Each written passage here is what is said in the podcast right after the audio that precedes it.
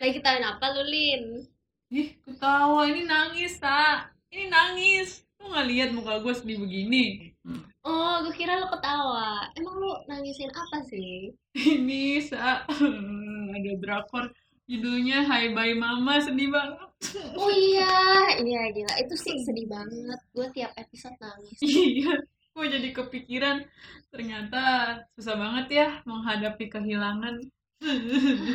Ya, hidup memang sulit. Tapi menghadapi kehilangan buat gue tuh masuk apa, kayak level yang paling tinggi gitu. Terus Kayaknya banyak nih yang bisa relate mengingat lagi masa-masa pandemi kayak gini. Jadi mari kita bahas Let's Gather Together bersama Aileen yang suka gagap. dan Sasa yang ngomongnya suka muter-muter karena hari ini kita bakal ngomongin soal Coping with grief. Sedih dong. Berarti harusnya. Oh, ketawa? Oh iya iya, kan gue lagi sedih ceritanya.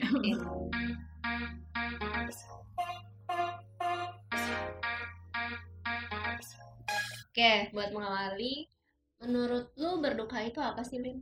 Berduka itu perasaan yang lumrah kita rasakan ketika kita lagi mengalami mungkin kekecewaan atau ditinggal seseorang. Pokoknya intinya perasaan yang sedih gitu. Kalau lu gimana?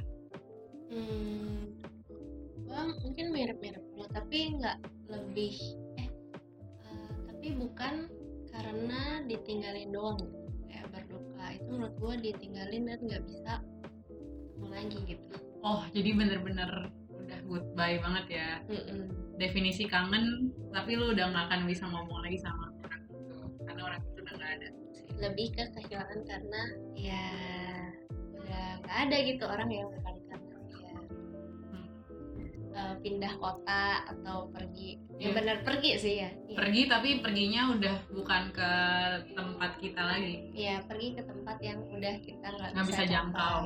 Terus em, ini ada pengertian yang lebih valid dari grief.com. Ya, gimana? Jadi grief itu adalah perasaan yang muncul ketika kita kehilangan orang, peliharaan ataupun barang.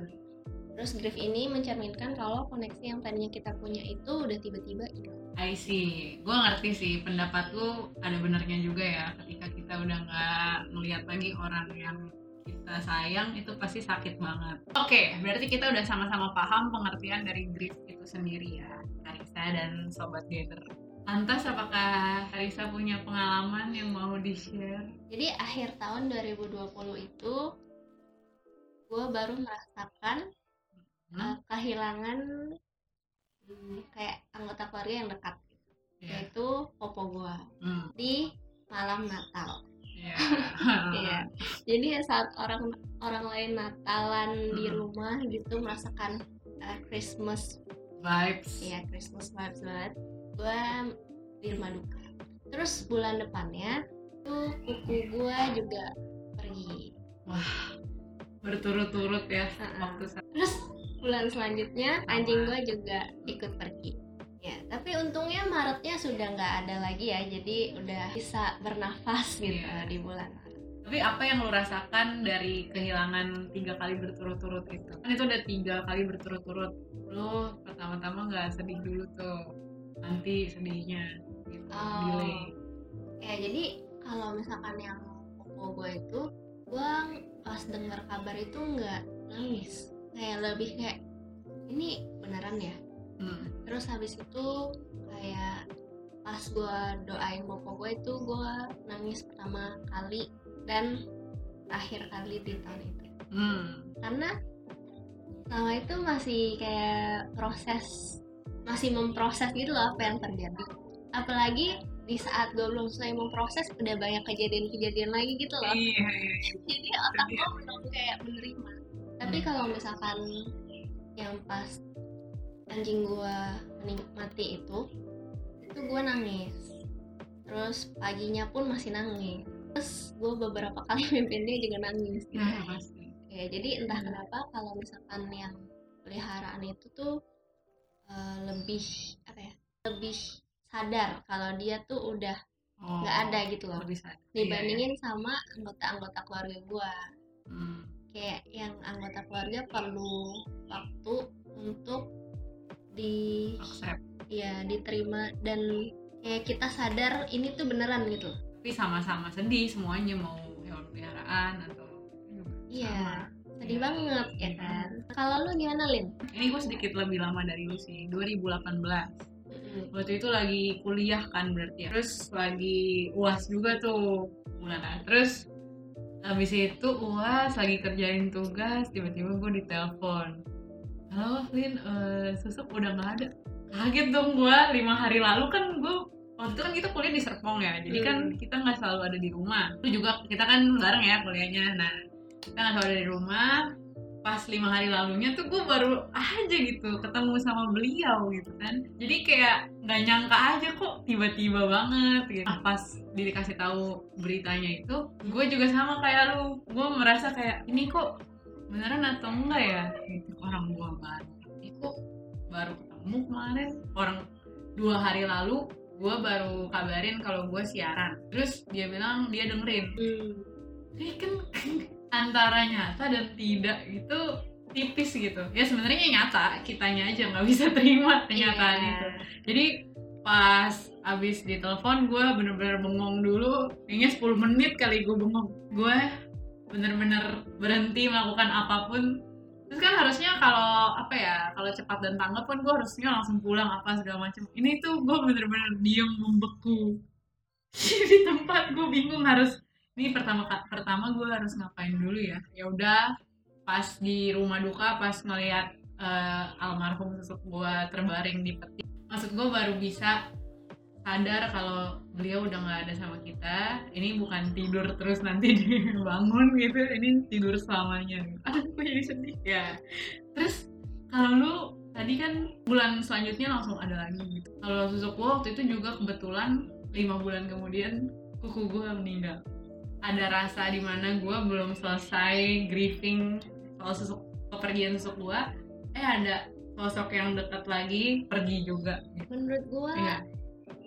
eh ya maksudnya berduka itu nggak ada Nggak yang ada. mudah lah ya Betul. pasti semuanya sulit Iya. terus kayak lu bilang eh, walaupun lima bulan gitu lima bulan menurut gue juga waktu yang cepat gitu loh buat Hmm. kehilangan orang yang dekat juga apalagi Hmm. tuh kan kalian ini kan deket banget satu rumah gitu kan. Jadi merasa kehilangannya ya kerasa banget gitu dibandingin sama yang beda rumah gitu Iya. kan. Karena lu nggak selalu berinteraksi sama orang itu. Tapi kalau lu satu rumah kan biasa lu lihat. Iya. Terus iya tiba-tiba udah nggak ada lagi gitu. Kayak vibe di rumah juga berasa beda. Biasa bawa motor malam-malam udah hilang suaranya ya itu adaptasi-adaptasi yang harus kita lakukan tanpa orang itu gitu. kita harus melanjutkan hidup kita ya tanpa orang yang kita sayang itu.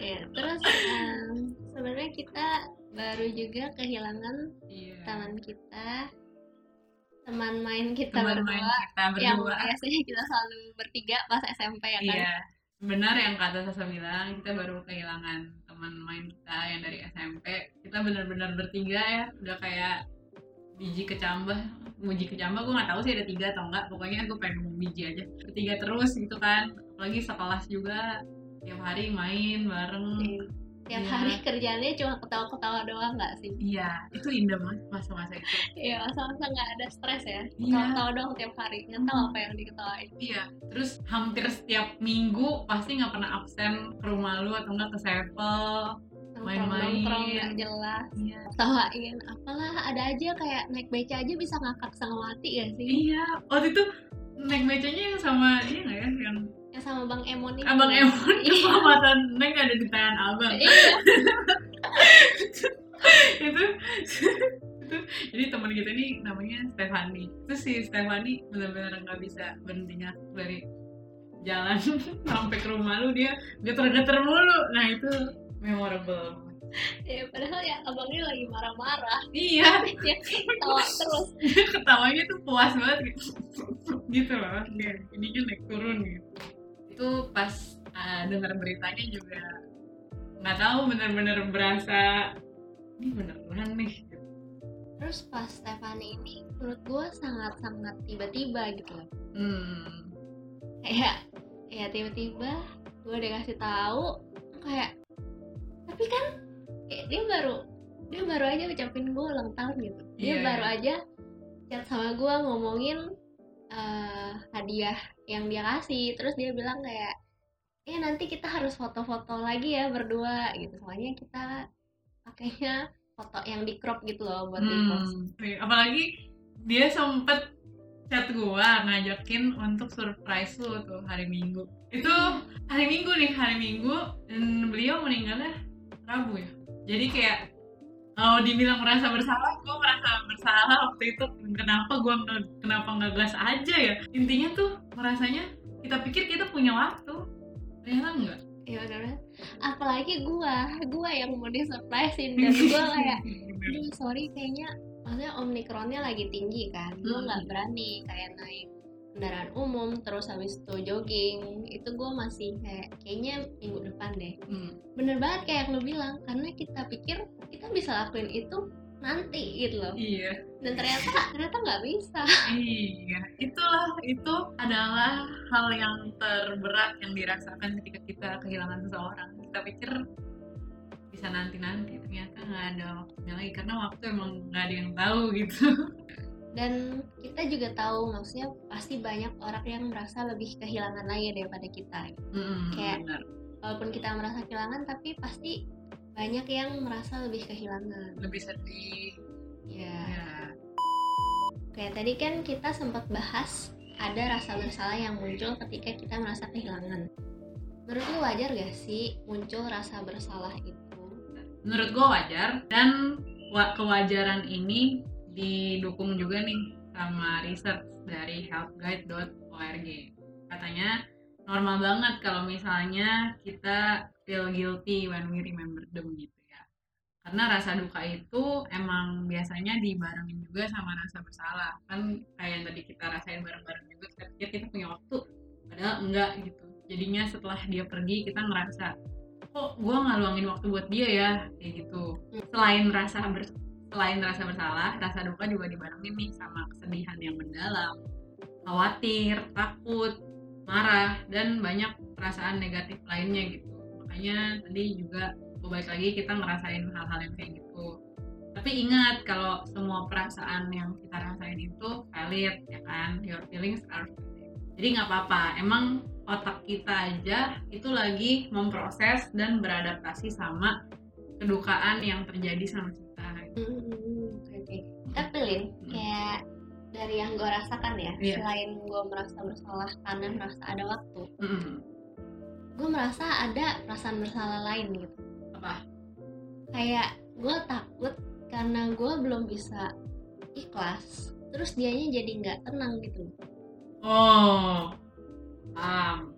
Jadi gue Iya. kayak sedih, tapi gue merasa bersalah karena gue sedih. Hmm, iya iya iya. Benar sih, jadi keinget drakor Hi Bye Mama juga ya. Karena kan dia tahu dia lihat suaminya sedih. Jadi dia nggak bisa ini nggak sih? Dia nggak bisa tenang benar-benar tenang. Jadi dia ikutin anaknya terus. Maksudnya ikutin keluarganya terus.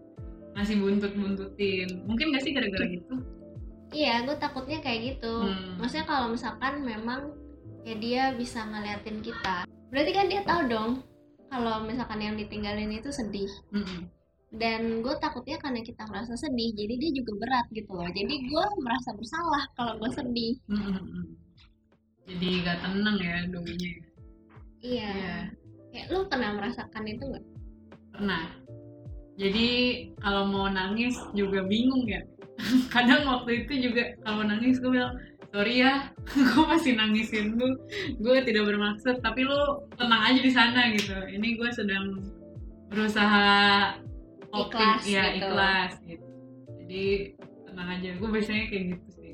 Dulu pas susuk gue juga gitu. Kayak kalau gue tuh ngerasa gue tuh nggak bisa hidup tanpa dia gue sempat ada di fase itu gitu terus habis itu ketika gue merasa kayak gitu gue langsung aduh sorry ya tuh ini tidak bermaksud gitu itu lagi sedih banget aja makanya ngomong kayak gitu Kayak Hmm. lu maunya dia juga tenang, iya dan tapi lu juga sedih gitu iya, kan. iya.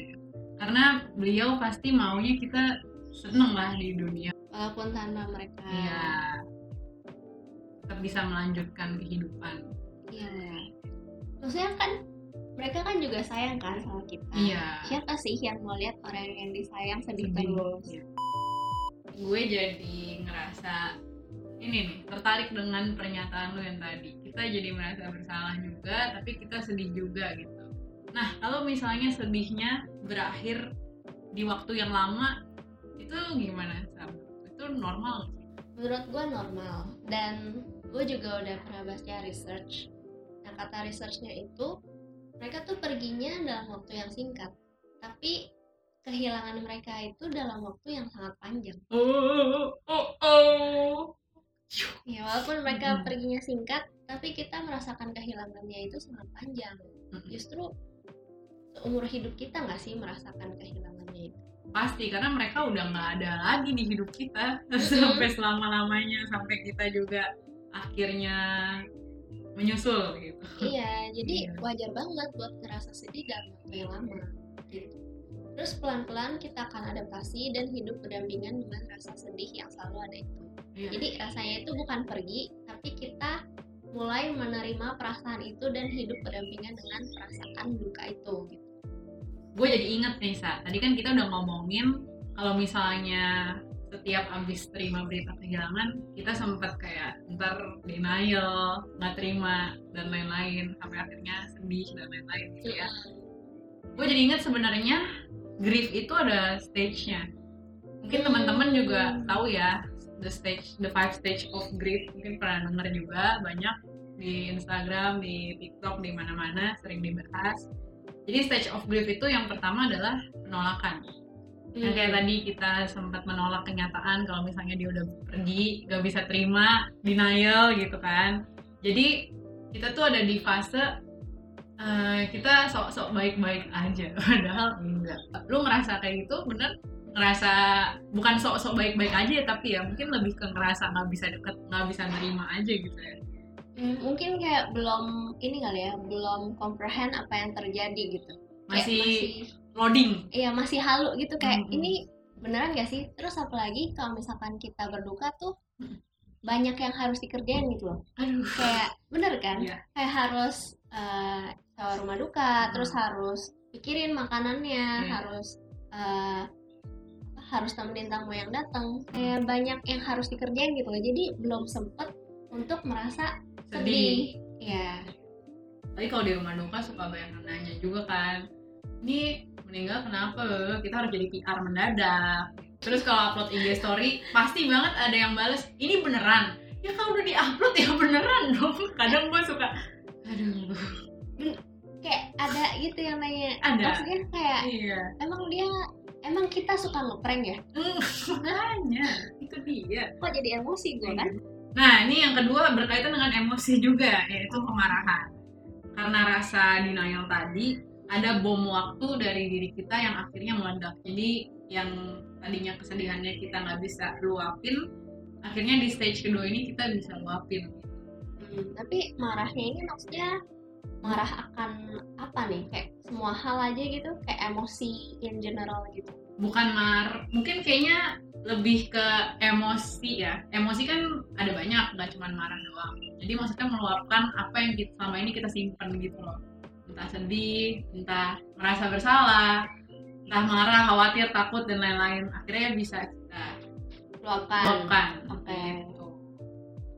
Lanjut ke yang ketiga itu ada bargaining. Banyak memikirkan skenario what ifs gitu. Coba aja waktu itu gue punya waktu lebih buat dia. Pasti gue nggak akan menyesal sekarang. Yang sebenarnya what if ini sendiri nggak harus kita pikirin karena mau kita pikirin pun juga nggak akan terjadi kan. Mm-mm. Gitu.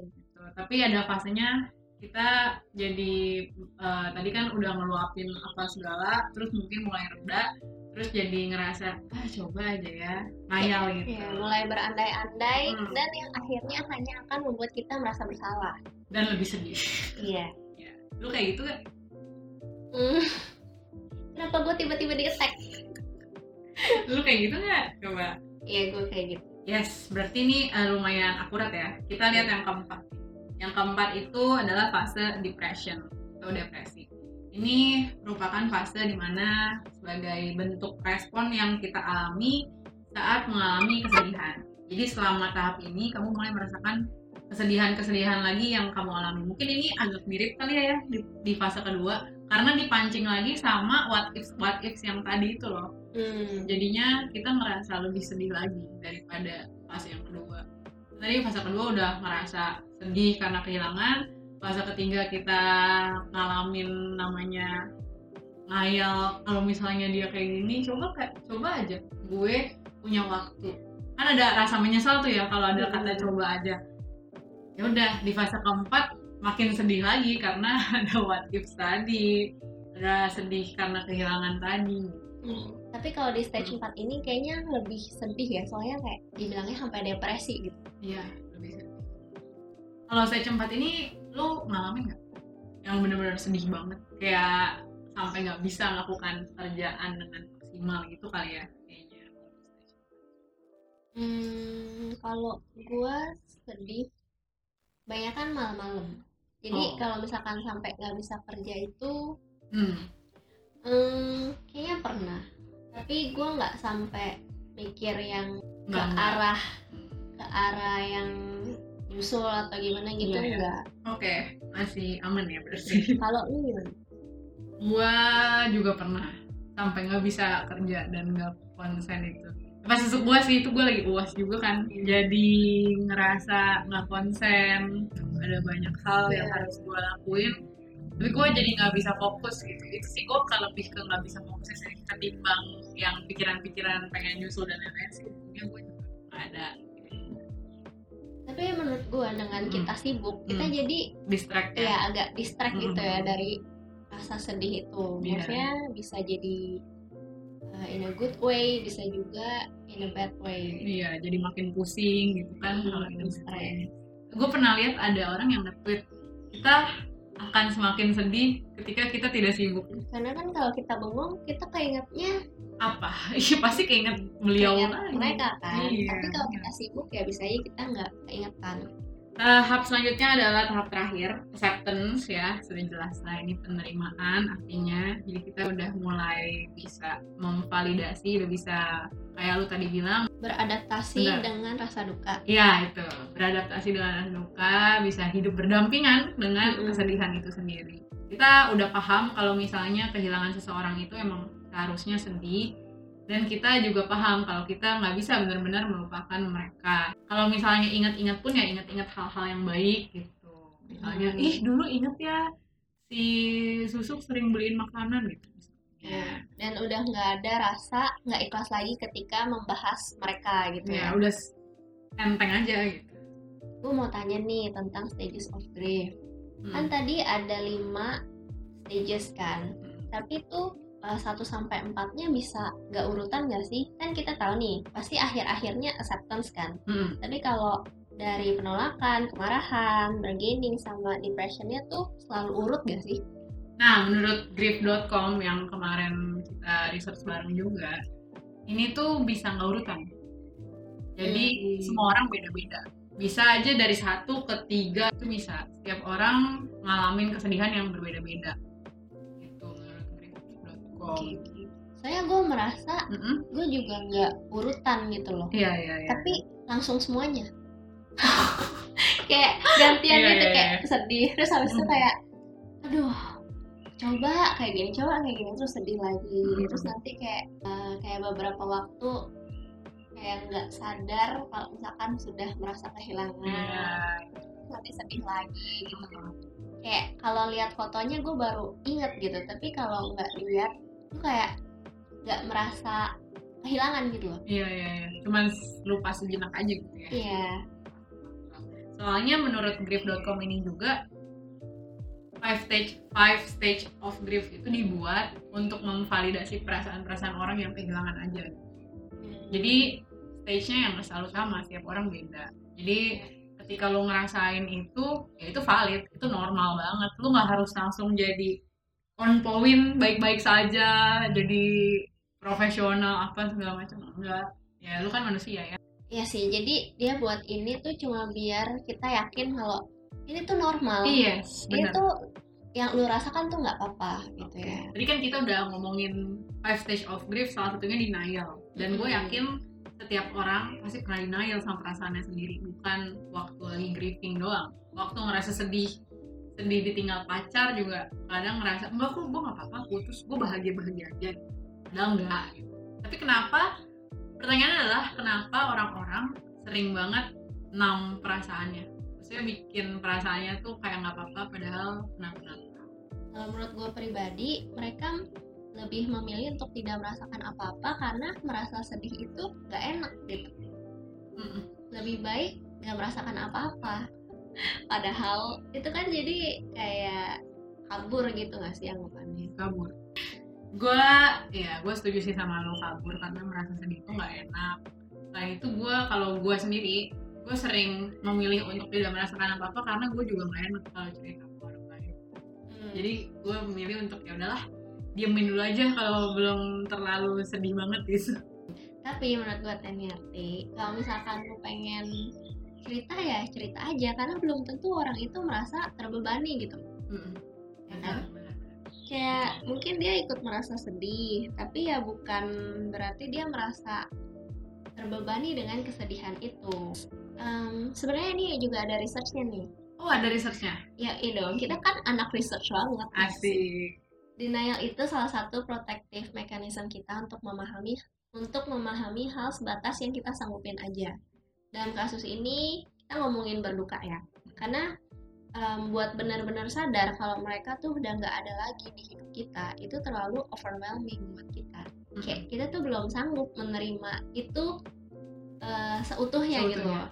kadang beberapa hal itu rasa kayak mimpi aja kayak nightmare saja jadi nggak yakin ini tuh beneran kejadian atau enggak makanya kita denial. Iya, menurut gua research ini memvalidasi omongan lu yang tadi juga kalau ngerasa sedih itu capek dan gak enak. tapi lagi Hmm, gue jadi keinget sama si Mark Manson yang sering kita sebut-sebut nih Iya. kata Mark Manson tuh the longer you're numb kayak semakin lama lu tidak merasakan apa-apa akan semakin sakit ketika lu hadapin Hmm, Jadi bom waktu. iya jadi ya kalau bisa pelan-pelan diterima aja gitu sehubungan dengan menerima pelan-pelan Lin lu ada nggak sih tips untuk move on and carry on kayak My Chemical Romance bilang kan carry on carry on gitu Ini bukan cara dari gue, tapi ini dari website juga. Katanya yang pertama adalah yang harus lu lakukan face your feeling. Hmm. Hadapi perasaan lu. Jangan numb your feelings kayak yang tadi lu sempet bilang itu. Jadi kalau misalnya emang lo sedih, ya udah sedih. Kalau marah, ya marah. Jangan jadinya pura-pura bahagia dan pura-pura baik-baik aja. Hmm. Yang kedua, setelah menghadapi perasaan tersebut, ekspresikanlah perasaan itu. Jadi kalau emang mau sedih, berarti apa? nangis, Nangis. Selain bisa mengekspresikan dengan hal-hal itu, bisa juga mengekspresikannya dengan cara-cara kreatif. misalnya Misalnya, kita bisa lihat dari Mbak Taylor Swift ya. Beliau kalau misalnya lagi sedih habis putus, beliau Broken mengarang heart. lagu. Iya, mengarang lagu karena ketika kita merasakan sendiri ya, sedih kesedihan itu, terus kita tuangkan gitu ya ke dalam suatu karya, karya tersebut akan lebih relatable sama orang-orang yang juga merasakannya. Selain itu juga bisa nulis diary atau nulis blog gitu ya. Iya menarik Hmm. banget nih nulis blog Nulis blog kan nanti dibaca orang kan siapa tahu terkenal gitu. ya atau dihujat. Eh Ya. mungkin nggak dihujat? Mungkin. Bisa jadi malah gaining haters. Terus malah makin sedih lagi. Nggak deh nggak nggak nggak. Dihujat itu kemungkinannya kecil ya. Karena kalau ngeblok kan biasanya yang nggak langsung viral gitu loh. Ya. atau bikin podcast kayak kita ya kan? Bisa bisa. Nomor tiga balik ke hobi atau interest yang sempet lo tinggalin kalau mantan mantan kan bukan hobi oh iya iya kan sama-sama ditinggalin Iya sih, tapi ya udah kita jangan bahas mantan lagi ya teman-teman ya. Kalau mau bahas mantan bisa ke podcast kita yang sebelumnya. Anyway, balik ke hobi atau interest. Ini misalnya lo hobi nyanyi nih, boleh lo jadi mencurahkan hobi lo misalnya lewat TikTok, lo upload cover-cover mungkin. Terus interest lo misalnya ikut paduan suara atau ngumpul-ngumpul bareng teman-teman di Discord, di mana kek ya ngumpul-ngumpul. Tapi sekarang jangan ngumpul-ngumpul dulu sih kalau bisa ya lagi covid balik lagi lah ke sehari ke sehari-hari lu gitu. Mungkin ini lebih ke distraction kali ya distraction dari rasa sedih gitu. Jadi kayak cari kesibukan lah istilahnya. Gue gue penasaran nih tadi Hmm. kan lu bilang cover cover. Hmm. maksudnya yang diranjang ya? Bed cover. Itu bed cover bisa sih kalau lu mau merajut bed cover bisa kan? Oh, berarti jadi kegiatannya merajut. Merajut benar. Yang keempat adalah no one else can tell you it's time to move on because you decide it yourself. Gitu say jadi lu yang tahu sendiri kapan waktu lu buat move on. Makanya gue selalu memegang prinsip kalau misalnya waktu itu akan menyembuhkan. Perlahan tapi pasti. Yang penting benar-benar ikhlas karena yang bisa nyembuhin diri kita adalah diri kita sendiri Lanjut ke step kelima. Moving on itu bukan melupakan, tapi accepting your loss. Jadi menerima kehilangan lo. Seperti yang dulu bilang ya, hidup berdampingan dengan kehilangan gitu. Nggak ada yang bisa ngatur berapa lama lu bakal sedih. Ya, berapa lama lu bakal berduka karena itu lu yang tahu sendiri, karena lu yang ngerasain sendiri gitu. dan kita itu pasti punya waktu masing-masing gitu kan Hmm. sama kayak move on dari Mantan. ya betul Oke, berarti kita bisa merasa kita ini udah ikhlas kalau misalnya udah ngelewatin fase-fase yang lu sebutin tadi ya. Kalau misalnya udah baik-baik aja ketika mengenang orang-orang tersebut dan lain-lain itu. Tapi Mm. sebenarnya ya saya kalau ada orang di sekitar kita atau yang dekat-dekat kita ini lagi berduka, baiknya tuh kita ngapain sih? sebenarnya gue juga clueless ya tentang hal itu. Kayak kalau misalkan gue mau bilang gak apa-apa nangis aja. Itu kadang kalau kayak nggak deket juga nggak enak ya kan? Kayak apaan sih? Deket juga nggak suruh suruh nangis aja. Atau enggak gue udah nangis kenapa dia suruh gue nangis? Gitu. Dia takut salah. ya kan? Takut salah. Tapi gue pernah baca di twitter ya kalau nggak salah kita tuh jangan bilang kayak dia tuh udah pergi ke tempat yang lebih baik gitu. Kayak jangan ngomong kayak gitu ke orang yang baru kehilangan. Karena dia bisa merasanya emang di sini dia nggak nggak baik gitu Hmm. tempatnya gitu loh. Jadi jangan ngomong yang kayak gitu. Mungkin bisa lebih ke turut berduka cita dan lain-lain. Tapi kalau untuk hal-hal yang bisa dilakukan ini gue udah melakukan riset juga. Mm-mm. katanya tuh kita bisa lakuin apa pun yang menurut kita bisa bantu mereka kayak misalkan ngerjain kerjaan rumah ngerjain PR joki enggak ya? Joki bukan ya? Ya. terus cuciin piring beberes atau sesimpel gofoodin makanan buat ngingetin mereka untuk makan. Jadi bukan cuma eh lu udah makan belum? Tapi kirimin makanan langsung gitu. Langsung action ya. ya jadi mereka nggak usah masak lagi nggak usah cuci-cuci tapi tinggal makan aja gitu. Terus nggak perlu nanyain mau dibantu atau enggak dan yang penting jangan buru-buruin mereka buat move on kayak yang tadi udah kita bahas-bahas terus Iya. kan karena mereka butuh waktu sendiri dan kita nggak punya hak sama sekali untuk maksa mereka kayak Hmm. apalagi yang suka nanya gini kan lu masa masih sedih sih kan lu Mm-mm. kehilangannya udah bertahun-tahun lalu Iya, iya. kayak kita tuh nggak punya hak untuk menuntut mereka move on Iya, benar. Kita Iya. nggak tahu apa yang mereka rasain sebenarnya. Iya, kalau ngomong kayak gitu sih udah red flag sih. Teman-teman dari tadi kita kan udah banyak berbicara ya. Mungkin sekarang adalah waktunya kamu berbicara. Gitu. Jadi buat kamu yang lagi ngerasa kehilangan atau lagi grieving, boleh banget diceritain perasaannya ke teman-teman terdekat atau kalau kamu berat buat ekspresiin perasaan kamu ke mereka bisa juga ke kita lewat DM seperti biasa ada @karisa underscore cks ada t h e n i a r t i kita terbuka untuk menerima segala curhatan kamu Ya, atau bisa juga melakukan kegiatan-kegiatan positif yang udah tadi disebutin. Mm-mm.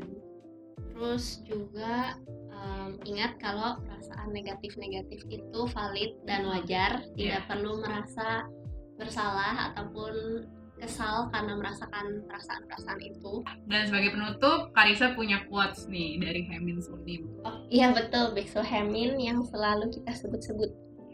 Ada quotes nih dari bukunya Love for the Imperfect Things. Tapi ini uh, agak gue potong ya. Iya. Jadi quotesnya itu Don't trust your negative thoughts, especially when the times are hard.